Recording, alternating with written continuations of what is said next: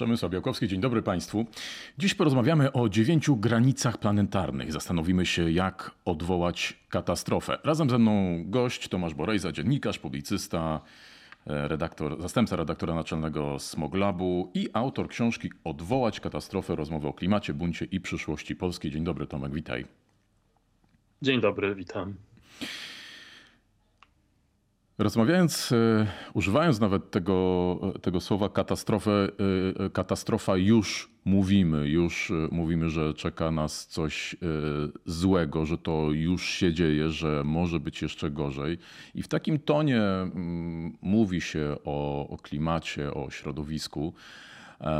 Ale pytanie brzmi od drugiej strony: czy jest coś pozytywnego końca e, Twojej książki i, i, czy jest coś pozytywnego, co moglibyśmy powiedzieć, że mamy na to wpływ, że już to osiągnęliśmy, że e, zrobiliśmy, ale przed nami jeszcze dużo roboty? No, jest taka pozytywna historia, którą można tutaj przytoczyć. Ona gdzieś, e, gdzieś wraca jako przykład tego, że można, można dużo zmienić i można odwołać katastrofę. Tutaj nawiązując do tytułu, to jest historia dziury ozonowej. E, jak ktoś pamięta przełom lat 80. i 90., to pamięta na pewno też te ostrzeżenia, które płynęły z mediów wszędzie, że zbliża się no, katastrofa, tak, że dziura ozonowa stanie się tak duża, że będzie zagrażać naszemu co najmniej zdrowiu. I one zniknęły w którymś momencie. Niektórzy myślą, że to był wymysł i zniknęły, bo po prostu. Ale zniknęły, bo zaczęły... inne tematy się zaczęły ważniejsze, ciekawsze, czy e, realnie podjęto działania, które sprawiły, że ta dziura ozonowa no, nie jest już taka groźna, jak to mówiono właśnie wtedy w latach 80. czy 90. Właśnie wielu ludzi myśli, że one po prostu zniknęły, bo media się zmęczyły tematem. Tymczasem w rzeczywistości to po prostu nasze działania spowodowały, że dziura ozonowa się no, już prawie zaleczyła, już prawie wróciła do stanu e, sprzed czasów, kiedy zaczęliśmy używać freonów. E, więc to jest przykład takich pozytywnych, skutecznych działań międzynarodowych. E, tam było trochę prościej, bo produkcja freonów była skupiona w rękach niewielu firm i niewielu krajów, no ale udało się, dlatego dziura ozonowa jako jedna z granic planetarnych, jedyna, gdzie sytuacja wróciła do, e, do normy, no zamyka tą serię rozmów. E, jest poświęcona temu właśnie, co można zrobić i jak to zrobić, żeby było skutecznie. No to zaczęliśmy pozytywnie, dalej już tak pozytywnie nie będzie, patrząc e, e, na te przykłady, które znajdują się w Twojej książce. Ja się zastanawiam tak właśnie z dziennikarskiego punktu widzenia też, czy mówienie o tej katastrofie niechybnej, która w wielu obszarach może nastąpić, w wielu obszarach niszczymy naszą planetę, czy w pewnym momencie tak, tak społecznie, jako, jako odbiorcy, ludzie nie pomyślą sobie, no okej, okay, no cały czas mówią o tych katastrofach, katastrofach, katastrofach, no ale właściwie no nic się nie dzieje. Czy, czy te e, słowa trochę się tak nie, nie opatrzą, nie osłuchają, czy nie staną się mniej e, skuteczne te apele, ostrzeżenia? Jak ty do tego podchodzisz? No, myślę, że to trochę tak jest, że jak się często wieszczy jakieś bardzo złe wydarzenia i one się nie spełniają, to to się może rzeczywiście tak spowszednieć. Chociaż czasami już się zaczynają spełniać. No, mieliśmy Odrę całkiem niedawno, e, która nie wydarzyła się bez ostrzeżeń, tylko tych ostrzeżeń trochę, e, trochę było. Natomiast ja podszedłem do sprawy też trochę inaczej, bo to jest tak, że no, tytuł jest dość alarmistyczny, jak, jak rozumiem, ale też no, jest odwołać. Natomiast ja po prostu e, pojechałem do najlepszych polskich naukowców, którzy zajmują się tym tematem. No i zapytałem ich, jak jest, e, bo od jednej z bohaterek książki wcześniej usłyszałem kiedyś takie zdanie od Pauliny Kramarz z Uniwersytetu Jagiellońskiego, e, że jak człowiek zaczyna rozumieć, z czym się mierzymy, to wszystko inne przestaje być ważne, że to się staje najważniejsze.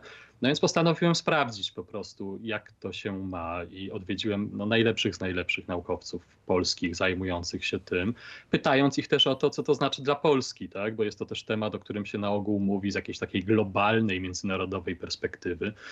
E, a rzadziej o tym, co tutaj, tak, co blisko nas. To, to, bardzo ciekawy wątek i zaraz e, porozmawiamy więcej o tym, właśnie o tej polskiej perspektywie. Natomiast zwróciłeś e, uwagę na bardzo ciekawą rzecz, o tym rozumieniu.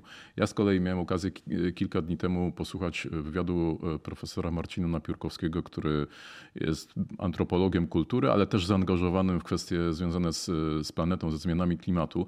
No i on właśnie mówił o tym, że to jest na tyle skomplikowana materia, choćby zmiany klimatu, no jakiś, jakiś wycinek tego, e, tego, o czym mówimy, że no nie każdy to zrozumie, że jednak kwestia e, Zostawmy to po prostu na, naukowcom. No, naukowcy mogą to tłumaczyć, ale te procesy są na tyle skomplikowane, że no nie każdy musi je e, zrozumieć. Więc tutaj mam wrażenie, że, że mamy jakby tę rozmowę trochę na kilku poziomach. No z jednej strony tym specjalistycznym, ale z drugiej no jednak musimy trafiać czy przekazywać te, tę wiedzę jakimiś prostymi komunikatami. Czy, e, czy ty się zdarzyłeś z tym, że często popularyzując też naukę, mówiąc o tej e, nauce z dziennikarskiego punktu widzenia, no, musisz używać jakichś uproszczeń, czy ten język naukowy przekładać na taki zrozumiały?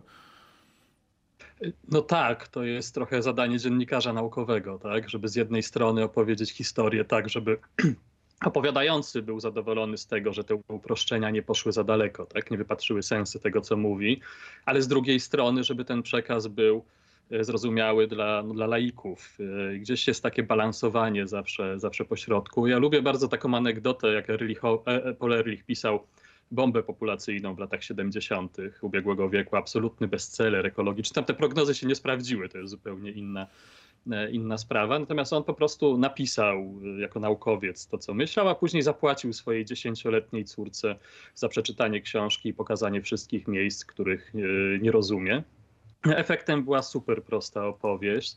No ja dziesięciolatki pod ręką niestety nie miałem, ale poprosiłem znajomego, który wiem, że ma doskonałe wyczucie co do tego, E, co jest e, akceptowalne dla ludzi, zrozumiałe, żeby, żeby był taką moją dziesięciolatką, zgodził się, pomógł. No i bardzo dużo rzeczy też wyłapał, których ja też zajmuję się tym tematem od wielu lat. Na przykład nie widziałem, że są niezrozumiałe.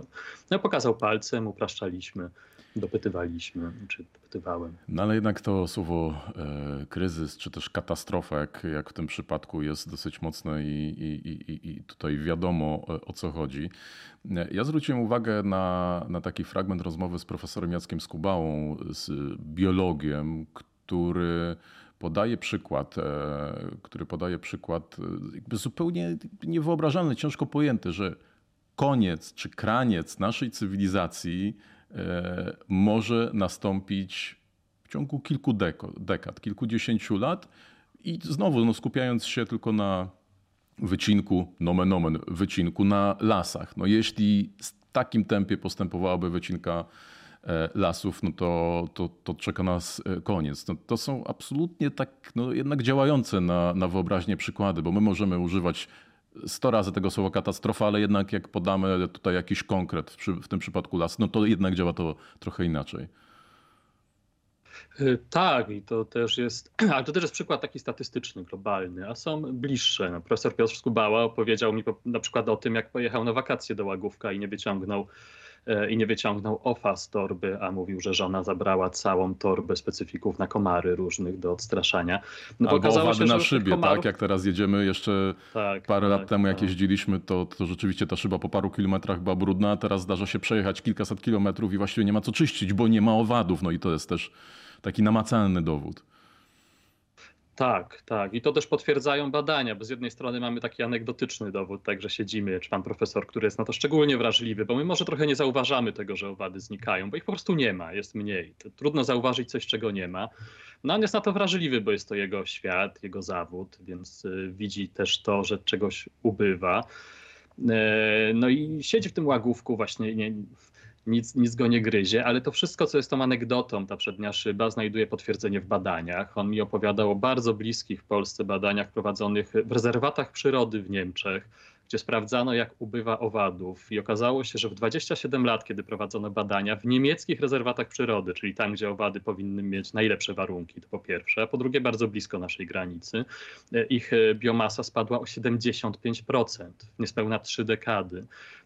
No i profesor wyciągając wnioski z tych różnych badań mówi, że jak to się nie zmieni, bo tracimy 2,5% biomasy owadów rocznie, no to w perspektywie 100 lat na Ziemi może nie być żadnego owada. A logiczny wniosek dla biologa jest tego taki, dodaje, że jak nie będzie owadów, no to i nas nie będzie.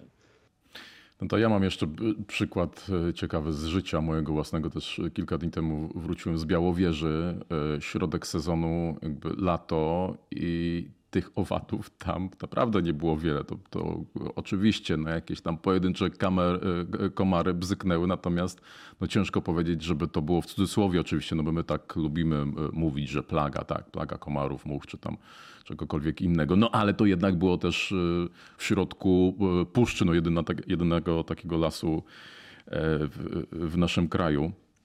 E, jeszcze zostając przy tych, e, przy tych tematach biologicznych, bo, bo e, fauny, flory, no to, bo to jest bardzo ciekawe, to teraz może, teraz może właśnie o zwierzętach, bo tutaj wybija się też taki wątek, że my czasami skupiamy się na gatunkach, które z jakiegoś powodu są nam potrzebne. No najczęściej dostarczają nam pożywienia, czyli to jak rośnie na przykład populacja trzody chlewnej albo modne ostatnio pszczoły, pszczoły miodne, szczególnie w lasach, stawia się ule na wieżowcach w różnych dziwnych miejscach. No tylko e, to dzieje się często kosztem innych gatunków, o których już nie pamiętamy, nie dbamy o nie i tak jak ta pszczoła miodna, okej, okay, no ona się będzie rozwijała, no to te dzikie gatunki pszczół, których jest znacznie więcej, one mogą być wyparte przez, przez ten właśnie e, gatunek. E, jak tutaj to wygląda, jak to obrazuje, jak to wpływa na, ten cały, na to całe zagadnienie, o którym mówimy? No, to jest trochę tak, że e, jak ktoś chce być bardzo eko, jak chodzi o pszczoły na przykład, no to pierwsze co robi, e, no to taka firma robi na przykład ule w mieście, tak? E, albo samorząd, albo no, generalnie polityka lubi przecinanie wstęg, to bardzo ładnie wygląda, można wrzucić do internetu, wszyscy są zadowoleni. No ale naukowcy mówią, że to rzeczywiście nie jest najlepszy pomysł, bo potrzebujemy nie tylko pszczół, które są fajne, ale też właśnie dzikich zapylaczy, które tracą przestrzeń w, w rywalizacji z tymi pszczołami. Więc to jest taki ciekawy przykład, ja uważam głównie dlatego, że on pokazuje, że to, co jest takie zielone, że można się tym pochwalić, tak, na billboardzie, na stronie internetowej, to nie zawsze jest tak naprawdę mądre. E, I że trochę myślimy tak marketingowo o takich sprawach, to jest taka trochę pop-ekologia, a nie myślimy o tym, jakie to ma realnie skutki, no bo to jest trudniejsze. No właśnie nie pytamy tych ludzi, z którymi rozmawiałem, chociaż oni są, można ich pytać i chętnie dzielą się swoją wiedzą.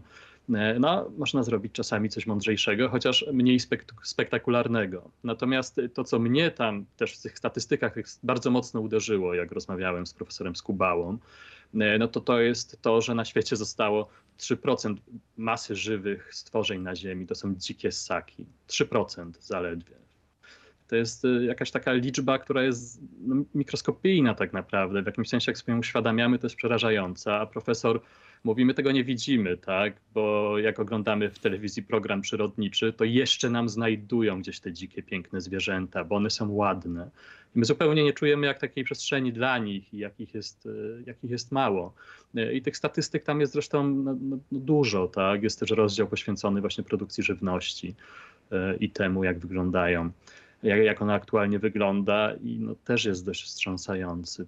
I to jest, to jest też właśnie Paulina Kranosz. Tak, i moją uwagę akurat tutaj zwróciło to, jak wiele jest e, wynalazków w przypadku żywności, nawozy sztuczne, tam 100 lat e, e, temu z kawałkiem Nagroda Nobla dla człowieka, który wynalazł nawozy sztuczne i pewnie w dobrej wierze tak samo było i z, i z dynamitem, tak samo było z wieloma innymi wynalazkami, które miały służyć człowiekowi, które miały być e, dobre z zamysłu, czy nie wiem, torebka foliowa. No też w samej torebce foliowej nie ma nic złego, ale co innego jak zaczyna się to używać w niewłaściwy sposób albo na zbyt dużą skalę i chyba takim przykładem są też e, nawozy właśnie w rolnictwie.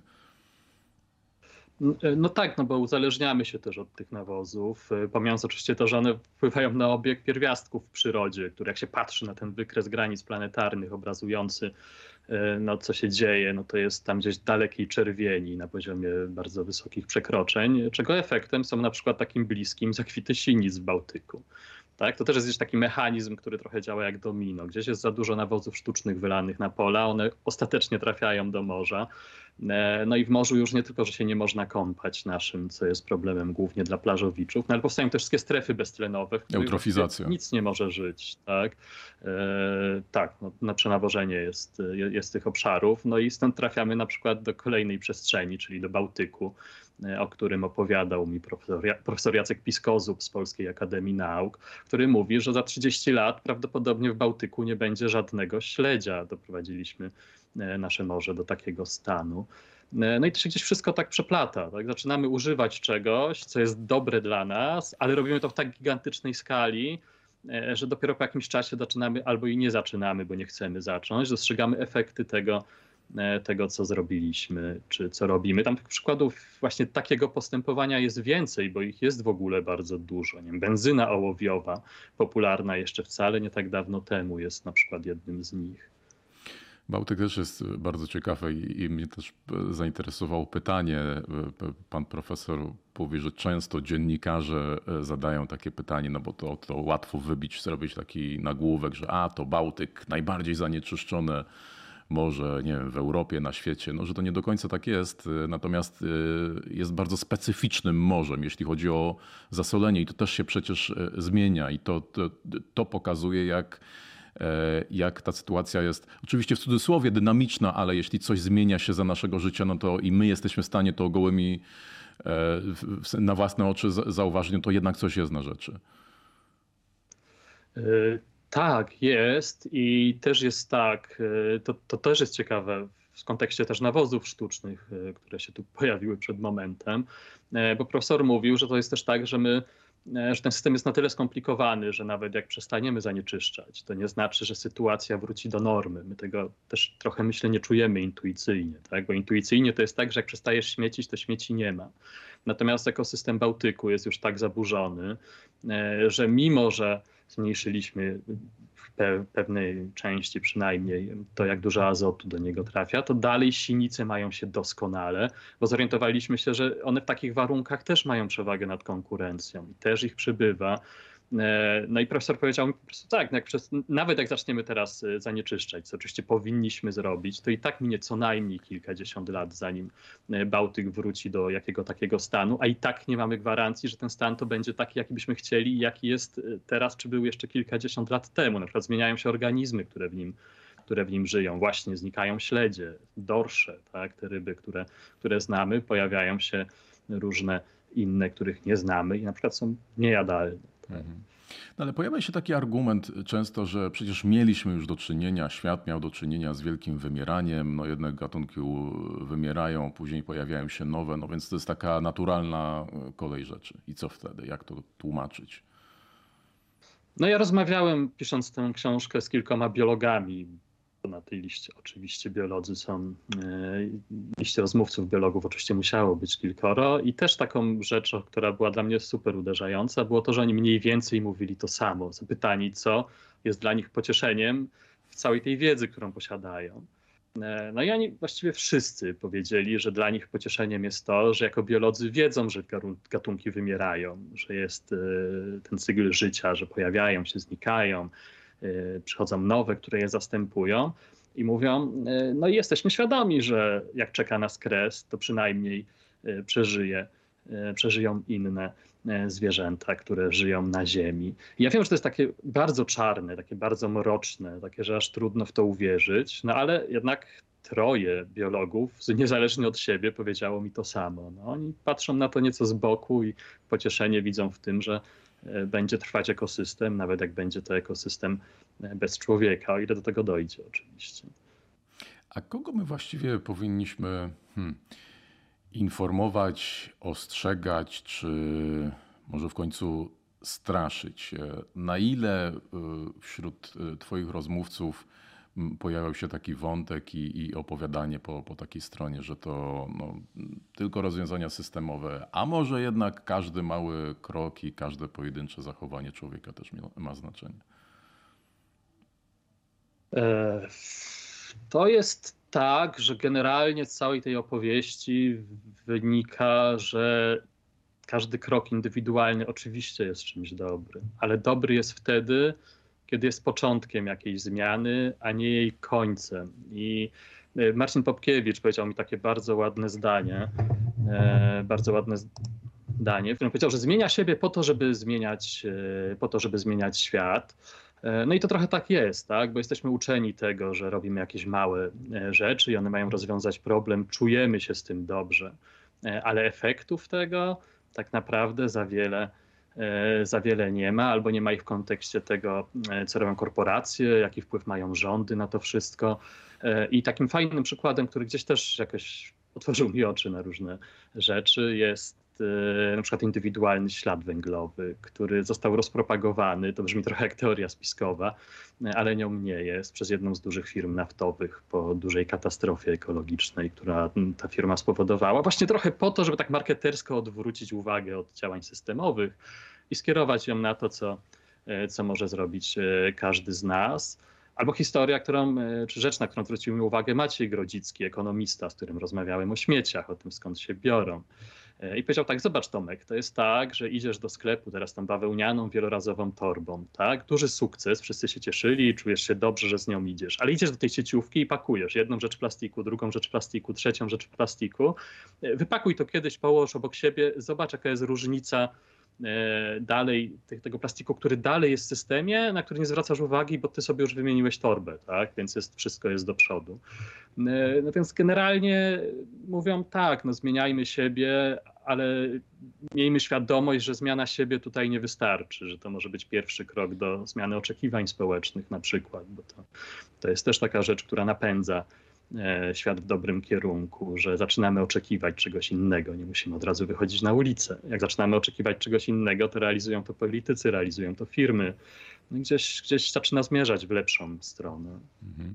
Poruszyłeś temat śmieci. Ja bardzo lubię ten, e, ten e, przykład i E, zwracanie uwagi na to, że w Polsce uważam dosyć dużą pracę wykonano edukacyjnie, jeśli chodzi o segregację. Mieliśmy te śmieciowe rewolucje. No myślę, że każdy już o tym słyszał, kto stosuje, no to jest inna sprawa, ale te wskaźniki też cały czas rosną. Natomiast e, Biorąc pod uwagę to, ile kampanii informacyjnych, e, rozmów i, i, i, energii włożono w naukę segregacji śmieci, a jednocześnie jak mało uwagi poświęca się temu, że to nie jest ten najważniejsze, że to nie jest kluczowe i, i, i o tym właśnie e, też jest w tym e, rozdziale, w tej, w tej części, chyba nawet na początku e, rozmowy, że kluczowe jest jednak to, żeby nie produkować tych śmieci, nie kupować, nie wymieniać na nowe, podałeś przykład tej torby, e, co z tego, że kupimy sobie lnianą tam jakąś bawełnianą torbę, e, gdy moglibyśmy używać jakiejś starej, no bo każdy ma starą, czy ona będzie plastikowa, nawet jak będzie z małą dziurką, czy jakakolwiek tam inna,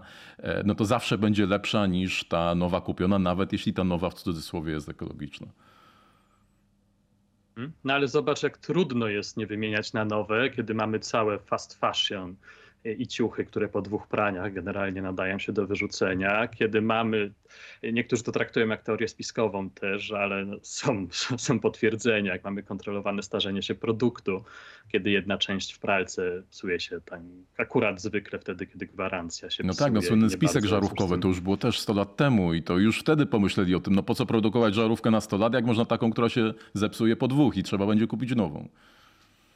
Tak, tak. Maciek Grodzicki też znowu ekonomista z UJ zwracał mi uwagę na przykład na zmiany w produkcji samochodów i mówił, zobacz Tomek, gdzie są te Mercedesy sprzed lat 50, które jeszcze na dobrą sprawę mogłyby jeździć. No, nie można produkować takich samochodów, bo to się po prostu nie opłaca producentowi. Auto się musi zepsuć, żeby sprzedać nowe auto. No i tak jest trochę ze wszystkim, więc z jednej strony fajnie, że chcemy ograniczać i że gdzieś myślimy o tym, żeby nie minimalizm yy, odnajdywać odnajdywać, przynajmniej niektórzy o tym myślą w życiu, no ale z drugiej strony, e, no właśnie, to trzeba systemowo kontrolować, tak? Trzeba systemowo kontrolować prawo do gwarancji, prawo do naprawy. No to są fajne rzeczy tak naprawdę dla takich normalnych ludzi, jak sądzę. No ja, ja bym chciał móc naprawić pralkę, która mi się zepsuje, a nie od razu kupować nową, a różnie z tym bywa. Tak? Mhm. A myślisz, że y, tutaj, rozmawiamy oczywiście o bardzo szerokim obszarze, no ale niech będzie o, o y, wspominałeś o tym prawie do naprawy. No, zaczęliśmy od tego pozytywnego przykładu, czyli e, ograniczenia freonu, dziura ozonowa. No okej, okay, fajnie, cieszymy się, jest sukces, pokazaliśmy, że e, możemy coś zmienić. Tam była trochę inna skala, mówię, że, że te producenci freonu byli skupieni, pewnie te regulacje było łatwiej zrobić, natomiast no, e, teraz to jest trochę znaczy, to jest znacznie bardziej rozległy e, obszar. No i, i, i co tutaj, jak działać, co robić? Znaczy, to też nie jest do końca tak, że, że, e, że producenci się nie stawiali. Oni się przestali stawiać w momencie, kiedy znaleźli technologię, którą łatwo mogli wprowadzić i też ją opatentować, mogli zarobić na zmianie. E, no, jak chodzi o śmieci, to myślę, że zarobienie na zmianie może być rzeczywiście trudne, no, ale jak chodzi o Europę, no to jest pomysł jednak, żeby to regulować, żeby wymuszać prawo do naprawy. Ale jest też taka rzecz, o której, e, która gdzieś nam się w tym wszystkim gubi czasami. Ona pada w książce w kontekście jedzenia, ale to nie jest tylko jedzenie. E, Paulina Kramasz w kontekście tego, co, co kupujemy tak? i co, co kładziemy na talerzu, mówi kupujcie lokalnie i sezonowo starajcie się, żeby to nie było tak, że koniecznie w zimie musimy jeść awokado, bo, e, bo to jest szalenie niebezpieczne i też pieniądze gdzieś wiadomo. Oha, jakiś ślad węglowy. Indziej. Tak, tak, ale szalenie niebezpieczne też dlatego, że to może po prostu któregoś dnia nie dojechać. E, mieliśmy tej zimy taki dość e, dotkliwy przykład, jak papryka podrożała, tak, bo był przymrozek w Maroku, e, krótki w grudniu i nagle się okazało, że nie ma warzyw. No u nas to jeszcze się dało kupić tylko drogo, ale w Anglii się ludzie bili pod supermarketami. Tak? To była bardzo drobna sprawa. Ona mówi, że trzeba na to uważać e, i zmienić to, jak wytwarzamy żywność, też po to, żebyśmy mieli bezpieczeństwo żywnościowe, że to się gdzieś przeplata. Ekologia tutaj z taką geopolityką wręcz. No i z tym wszystkim jest chyba trochę podobnie, tak? Jak kupimy ubrania lokalne bardziej, no to też mniej to jedzie. Jest szansa, że będą lepszej jakości, e, no będzie mniej śmieci, ale ja tu liczę jednak na to, że to zostanie wymuszone, że no to prawo do naprawy i kontrolowany cykl życia produktów jednak gdzieś tam w którymś momencie e, zostanie jakoś ukrócony i pralki będą działać nie tyle, ile gwarancja wynosi, tylko trochę dłużej. Mhm. Potrzebujemy jeszcze drugiej, trzeciej, piątej, dziesiątej odry lub jej y, odpowiednika, żeby te zmiany systemowe się odbywały? No ja niestety myślę, że potrzebujemy i że coś takiego się wydarzy też po tej podróży, bo wiedziałem, że jest niedobrze co najmniej, że jest źle, bo się tym zajmuję. E, no ale naukowcy, z którymi rozmawiałem, uświadomili mi, że jest jeszcze gorzej. E, mówiąc przy tym, że uważają, że trzeba mówić po prostu brutalną prawdę, że tutaj nie ma co owijać, bo ich rolą nie jest taki marketing, tak, jak to sprzedać. Ich rolą jest powiedzieć po prostu, e, jak jest. I ja jestem przekonany, że któryś z tych ekosystemów po prostu no, funkcjonować tak, jak powinien w pierwszym, w bliższej lub dalszej przyszłości. E, i trzeba się też na to trochę przygotować, e, myślę. E, nie wiem, profesor Szymon Malinowski z kolei zwracał mi uwagę, że jak chodzi o Polskę, to może nie należy się spodziewać jakichś niesamowitych zmian pogodowych i tak dalej, ale będą takie, na które i tak nie jesteśmy gotowi, bo nasze służby ratownicze nie są w stanie na przykład reagować w dwóch miejscach naraz, kiedy dochodzi do dużej katastrofy. Odra to trochę pokazała. Teraz pomyślmy, że mamy Odrę i Wisłę i jeszcze pożar puszczy, tak? No nie jesteśmy nawet na takie rzeczy rzeczy e, przygotowani. Nasze miasta nie są przygotowane na falę upałów. Nie jesteśmy przygotowani i to jest szalenie niebezpieczne, powtórzę to jeszcze raz, na zerwanie łańcuchów dostaw. E, a próbkę tego, że to się może wydarzyć przez ostatnie kilka lat, no mieliśmy co najmniej dwa razy. Tak? Żyjemy w bardzo zglobalizowanej gospodarce, która bardzo zależy od tego, czy coś przyjedzie z drugiego końca świata i pół biedy, jak to są chipy do samochodów, ale jak to będzie coś, co jest niezbędne do tego, żebyśmy mogli wytwarzać żywność, no to już nie będzie tak, tak wesoło. Więc to też się przeplata znowu trochę ekologia z polityką, tak? Bo e, my lubimy myśleć o tym w kategorii kosztów, na przykład jak chodzi o e, renaturyzację rzek. E, mówimy o Odrze, to jest chyba całkiem niezła rzecz do poruszenia, ale to jest trochę tak, że to są koszty, ale albo teraz wydamy trochę, a później będziemy bardziej odporni na to, co się dzieje i nie będziemy mieć na przykład co roku suszy, E, no albo za jakiś czas poniesiemy dużo, dużo większe koszty. Myślę, że trzeba trochę długo, bardziej długoterminowo myśleć i jednak brać pod uwagę to, że coś się może wydarzyć, bo no, z kryzysami jest tak, że nie da się przewidzieć, jaki dokładnie kryzys nas czeka, ale to, że jakiś kryzys wcześniej lub później będzie, no to jest jakby jasne. Mówiłeś o tych e, możliwych kryzysach czy scenariuszach dla Polski, ale jest jeszcze jeden, który może nie bezpośrednio odbędzie się w Polsce, ale Polska może też odczuć jego skutki. Mam na myśli kryzys migracyjny, uchodźcy związane ze zmianami e, klimatu. No wiemy, jak w naszym kraju reaguje się na słowo uchodźca, jak bardzo to jest nośny temat również politycznie, no ale wyobraźmy sobie teraz taką sytuację e, i tu też oczywiście na to są badania, jak wiele obszarów naszej planety w ciągu kilkudziesięciu lat nie będzie nadawało się do zamieszkania, bo będzie tam za gorąco. No i ci ludzie będą się przesuwali do tych czy migrowali do, do tych rejonów, e, w których po prostu da się żyć? No tak, skala przewidywanych migracji związanych z tym, że na przykład żywności nie będzie się dało produkować e, w coraz większych obszarach e, globu, albo z podnoszeniem się też poziomów mórz i oceanów, no jest, przewidywania są takie, że ona będzie gigantyczna. I nie mamy odpowiedzi na to, co zrobić, jeżeli do tego dojdzie, a wcześniej lub później e, dojdzie. No, moi rozmówcy wskazywali, że te ruchy migracyjne związane ze zmianą klimatu, one już się zaczęły, bo już są miejsca, gdzie e, przybywa problemów z suszą. Afryka jest e, tutaj pierwszym, który przychodzi na, na myśl oczywiście, tylko my jeszcze ich tak do końca nie czujemy albo ich nie wiążemy z tym, co się stało. Trochę nie czujemy, bo pierwsze migracje są zwykle lokalne i ludzie się przenoszą do tych krajów, które są bliżej, bo podróż do Europy jest trudna, kosztowna, e, bardzo ryzykowna, e, no ale będzie tego więcej. No, jak ktoś nie ma co jeść, e, no to będzie tego jedzenia szukał za wszelką cenę, a liczby, o których się mówi, one są nawet w miliardach niekiedy, w setkach milionów. Takie najbardziej czarne scenariusze mówią o dwóch miliardach ludzi nawet. Pomyślmy, jak gigantyczny kryzys polityczny wywołała wojna w Syrii, która była dużą falą uchodźców czy wywołała dużą falę uchodźców, no ale nie w tej skali jednak. Co będzie? Będzie to niesamowicie trudne, jeżeli do tego dojdzie. Czarne to scenariusze. Y, chyba omówiliśmy, jeśli nie wszystkie, to na pewno większość tych granic planetarnych. Y, bardzo dziękuję za to spotkanie. No cieszę się, że, że i w Twojej książce, i w naszej rozmowie y, pojawiły się też takie przykłady działań, które przynoszą rezultaty.